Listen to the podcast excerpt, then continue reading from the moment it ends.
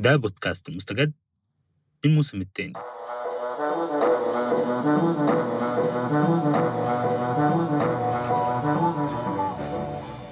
أطلقنا الموسم الثاني الأسبوع الماضي من المستجد بحلقة طارئة إهداء لضحايا انفجار بيروت. وكنا وقتها بنشتغل على الحلقة دي. عن أبرز حدث شفناه بيحصل في شهر يوليو. عن مسجد متحف كاتدرائية آيا صوفيا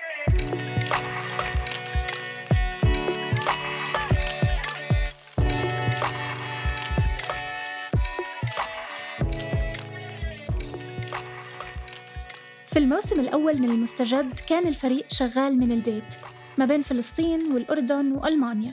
كنا بنحاول نغطي الوباء العالمي ونلاقي قصص من المنطقة العربية متصلة فيه. كنا مفكرين أو على أمل إنهم شهرين ثلاثة بالكتير وبنخلص من الفيروس وسنينه. بس للأسف ما خلصناش. الفريق اتغير شوية وهنكون المرة دي معاكم بنشتغل من فلسطين والأردن ومصر والسودان وأنا في الإمارات.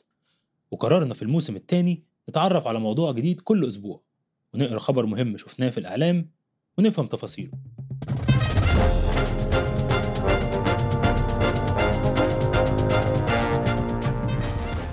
في 10 تموز يوليو من سنة 2020 تركيا احتلت صدارة عناوين الأخبار وهالمرة لسبب مختلف شوي عن المعتاد مش تدخل في ليبيا ولا في سوريا هالمرة قرار متعلق بمسجد مش مجرد مسجد عادي. تقريبا حضرتك مساحة صراع كبيرة. المحكمة الإدارية العليا التركية قررت يوم 10 يوليو إلغاء قرار وزاري صادر في 1934 القرار القديم كان بينص على تحويل مسجد آيا صوفيا إلى متحف.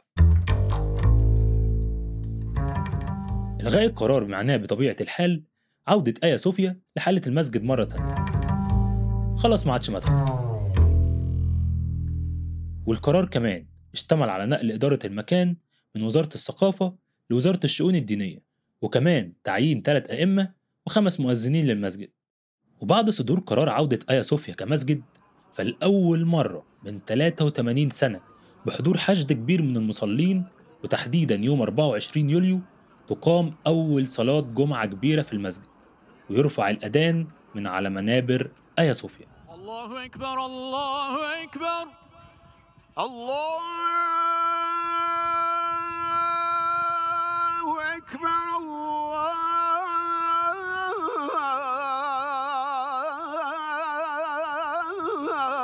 الله أكبر. كتير من المحللين شايفين إن تاريخ 24 يوليو ده مش مجرد تاريخ محايد. ما هو في نفس اليوم سنة 1923 انتهت الإمبراطورية العثمانية. وانتهت بالتالي الخلافة بتوقيع معاهدة لوزان في سويسرا لتعلن بعدها الجمهورية التركية العلمانية تحويل المتحف لمسجد أثار ضجة كبيرة كما هو متوقع يعني في مبنى له دلالة كبيرة في التاريخ زي آيا صوفيا لكن خلينا نسأل الأسئلة البسيطة إيه اللي بيخلي آيا صوفيا على هذه الدرجة من الأهمية أصلا؟ وهل بيتزامن الحدث ده مع تغيرات تانية بتحصل في العالم؟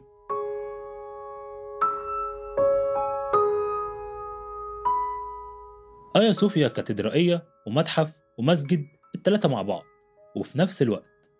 مكان الحقيقة له تاريخ عميق وممتد فهو بالتأكيد مش حاجة واحدة. نقدر نقول إنه البداية كانت بالكاتدرائية اللي انبنت سنة 537 للمسيحيين الأرثوذكس بأمر مباشر من الإمبراطور البيزنطي جاستنيان الأول.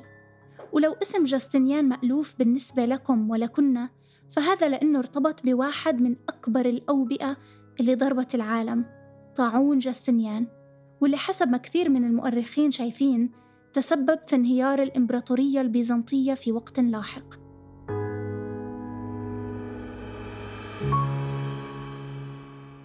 المهم وبدون طول سيرة إنه بعد تسع قرون تقريباً بالتحديد في سنة 1453 دخل السلطان محمد الثاني. المعروف بمحمد الفاتح واستولى على القسطنطينية أو فتحها فتح إسلامي في رواية أخرى. وكان من القرارات المهمة اللي اتخذها محمد الفاتح إنه يحول الكاتدرائية دي عشان تبقى مسجد ويطلق عليها اسم المسجد الكبير. وفضل آيا صوفيا مسجد للمسلمين لمدة خمس قرون تقريبا لحد ما ظهر في الصورة مصطفى كمال أتاتورك. مؤسس الجمهورية التركية ومرسي قواعد العلمانية في تركيا الحديثة بعد طبعا الإطاحة بالخلافة العثمانية. فتدخل وأصدر قرار في البداية بمنع الصلاة في مسجد آيا صوفيا وفي 1934 خرج قرار من مجلس الوزراء يقضي بتحويل آيا صوفيا من مسجد إلى متحف علماني حسب ما القرار وصف المكان. ونص على تشارك كل المسلمين والمسيحيين وأتباع كل الأديان واللي مش أتباع أي دين كلهم يتشاركوا في آيا صوفيا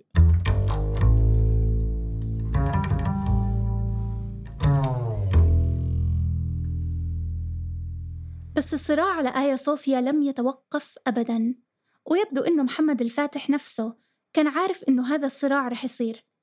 اسمعوا هالجملة من خطاب رجب طيب أردوغان الرئيس التركي. Çıkardığımız bir cumhurbaşkanlığı düzenlemesiyle Ayasofya'nın yeniden cami olarak hizmete açılmasını sağladık. قرأ أردوغان كلام محمد الفاتح في واحدة من صفحات الوقف من سنة 1453 وقال إنه أي شخص سيقوم بتغيير هذه الوقفية وقصده آيا صوفيا أو تبديل أحد موادها أو وقف الحكم الخاص بالمسجد يكون قد ارتكب أكبر أنواع الحرام واقترف إثما ومن غير هذه الوقفية شخصا كان أم جماعة عليه وعليهم إلى الأبد لعنة الله والنبي والملائكة والحكام وكل المسلمين أجمعين. يعني زي ما إحنا سامعين كده الموضوع مشتعل من أول لحظة وفي لعنات للأبد ومع الوقت لم يزد إلا اشتعالا وفضل يظهر من وقت للتاني. قريب في مايو سنة 2012 اتجمع آلاف المصلين أمام مبنى آيا صوفيا. اللي كان لسه متحف وقتها طبعا وقرروا إنهم يصلوا قدام المبنى احتجاجا على حظر إقامة الشعائر الدينية فيه. والتاريخ ده طبعا ما كانش تاريخ اعتباطي كده ده كان الذكرى 559 لانتصار محمد الفاتح ودخول القسطنطينية. وبعدها بكام يوم في 29 مايو أيار 2012 اترفع الأذان في متحف آيا صوفيا. الله أكبر الله أكبر. الله أكبر الله أكبر. الله أكبر لأول مرة من 78 سنة. نقدر نقول إنها كانت بروفة سريعة للي هيحصل بعدها بثمان سنين كاملة في 2020 أردوغان نفسه بالمناسبة اللي كان وقتها رئيس الوزراء في سنة 2013 قال إنه مش رح يفكر في تغيير وضع آيا صوفيا. لكن ده كان زمان. في الوقت الحالي بيوصف أردوغان القرار في عهد أتاتورك بتحويل آيا صوفيا إلى متحف بإنه خيانة. بيقول ليس فقط خيانة للتاريخ وإنما خيانة للقانون لأن الموقع لم يكن ملكا للدولة وإنما وقفا باسم السلطان محمد الفاتح.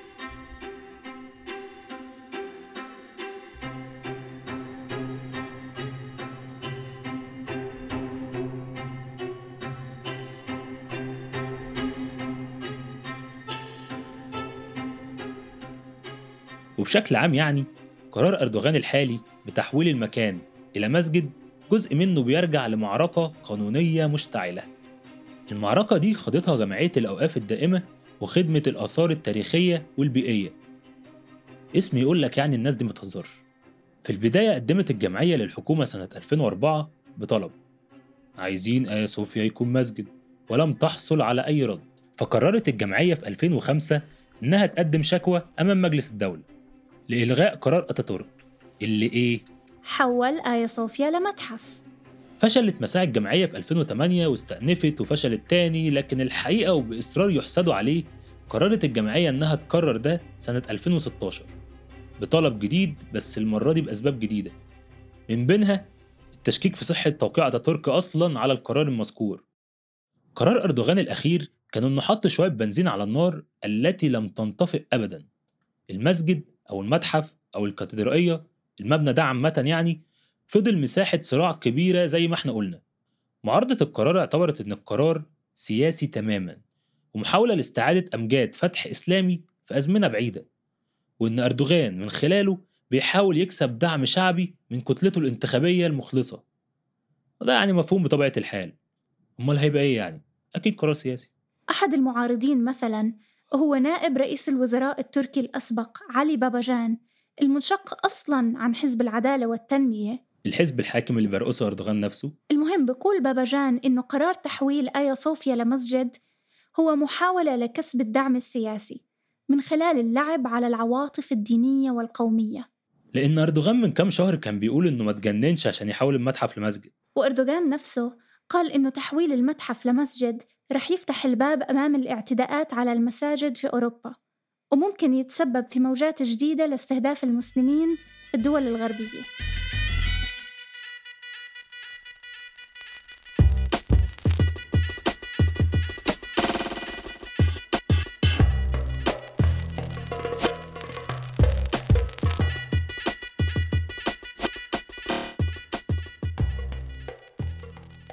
فكرة إن دي مناورة سياسية مش أكتر تقريبا كل المعارضين للقرار أشاروا إليها ومنهم محللين وسياسيين ونواب في البرلمان. واحد من المحللين الفرنسيين اسمه جون فرانسوا بيروز. كان شايف إن القرار نتيجة مباشرة لضعف السلطة في تركيا ودليل واضح إن التحالف مع اليمين المتطرف ومحاولة كسب تأييد التيارات الإسلامية المحافظة بقى شر لابد منه بالنسبة لأردوغان وحزبه. مهم هنا نلاحظ إن التغيير الكبير في موقف حزب العدالة والتنمية الحزب اللي يرأسه أردوغان من آيا صوفيا حصل خلال فترة زمنية قصيرة نسبيا. ممكن في جزء كبير منه بيرجع للمتغيرات السياسية الكبيرة في تركيا. تحديدا حزبين المستقبل بقيادة أحمد داوود أوغلو والديمقراطية والتقدم بقيادة علي باباجان فمن الواضح يعني إن حزب العدالة والتنمية بيحاول يقلل تأثير الحزبين دول على الكتل الانتخابية الإسلامية والمحافظة. والمحاولة دي بتخليه يتبنى خطاب محافظ أكتر وديني أكتر. بعد ما كان لفترة طويلة في السابق بيعتمد على خطاب قومي ووطني. وبالتالي بنقدر نفهم تغيير خطاب الحزب من آيا صوفيا. أو مثلا احتمالية الانسحاب من اتفاقية إسطنبول المتعلقة بالعنف ضد المرأة. يعني الحل للتغلب على كل هؤلاء المنافسين السياسيين اللجوء لخطاب أكثر محافظة. اللعب على المشاعر الدينية. إعادة إحياء فكرة النعرات القومية. الانتقام. السيادة الوطنية. إذلال الغرب. يعني أردوغان بيحاول في اللحظة دي يزايد على كل خصومه سواء كانوا إسلاميين أو يمينيين قوميين. وخطوة تحويل المتحف لمسجد أو أيا كان موقف الواحد يعني من الموضوع نقدر بسهولة نحطه في الزاوية دي. مزايدة على كل الأطراف خاصة اليمينيين القوميين. وهنا القرار نقدر نفهمه في سياق أوسع شوية. مش بس إنه قرار ديني وخلاص لأن الموضوع مرتبط كمان بتغذية نعرات قومية قديمة في تركيا.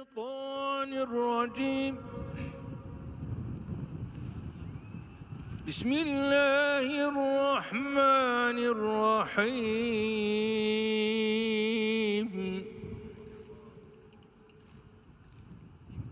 الحمد لله رب العالمين. هذا صوت أردوغان وهو بيفتتح الصلاة في آيا صوفيا بقراءة آيات من القرآن.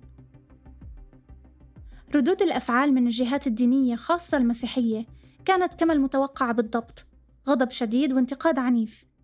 البابا فرانسيس في أول رد فعل علني على الموضوع قال إنه متألم ومصاب بخيبة أمل ومجلس الكنائس العالمي دعا بشكل واضح للتراجع عن القرار. وهذا كمان نفس اللي قاله البطريرك المسكوني الأرثوذكسي من القسطنطينية اللي عبر بوضوح إنه آيا صوفيا لا تنتمي إلى المسلمين فقط ولكن للبشرية كلها.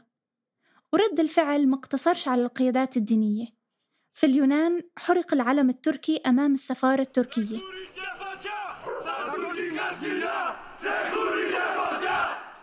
وفي يوليو الماضي خطيب صلاة الجمعة الأولى في آيا صوفيا علي أرباش وهو كمان رئيس الشؤون الدينية التركية يصعد إلى المنبر. درجة ورا درجة.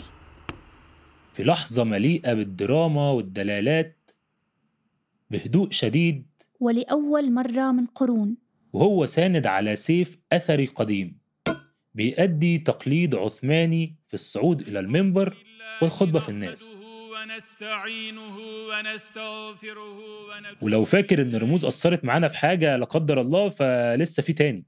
هذا سيف محمد الفاتح شخصياً اللي كان أول من ألقى خطبة الجمعة وهو ماسك سيفه في الجامع الكبير في مدينة أدرنة عاصمة الدولة العثمانية وقتها قبل فتح القسطنطينية. وبعدها أصبح تقليد متبع من سلاطين الدولة لست قرون. المشهد أثار عاصفة حادة من الهجوم. واحدة من التغريدات مثلا كانت بتقول إنه المشهد هذا هو رسالة إرهابية والحقيقة التغريدة هاي مش الوحيدة. كثير من المعلقين شافوا هيك وكمان كثير من الكتابات على ال social media كانت بتقول إنه المشهد هذا معد بعناية لتوصيل رسالة معينة السيف والسيطرة. وكالة الأناضول التركية للأنباء شافت إنها بعد الهجوم على ما يبدو يعني مضطرة لتوضيح سياق الرمز ده. فقالت إن السيف من العادات الحميدة اللي أحيتها تركيا في مسجد آيا صوفيا يعني الإظهار سيادة الإسلام ونوره في البلاد اللي فتحها المسلمين.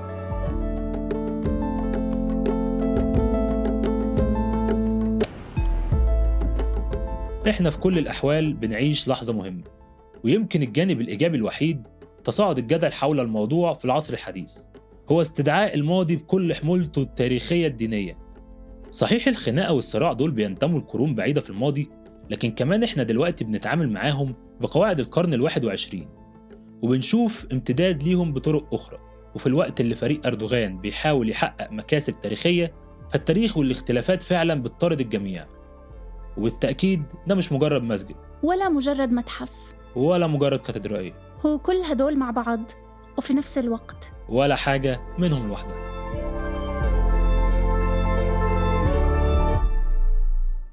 ده بودكاست مستجد. كنت معاكم أنا هشام إسماعيل في التقديم. وأنا لما رباح في التقديم والتحرير. أحمد جمال في الكتابة. محمود خواجة في البحث. وسارونا مشعشع في الإخراج الصوتي. ما تنسوش تشاركوا في قناة بودكاست المستجد على منصة البودكاست اللي بتفضلوها عشان تتابعوا حلقاتنا اللي جاية.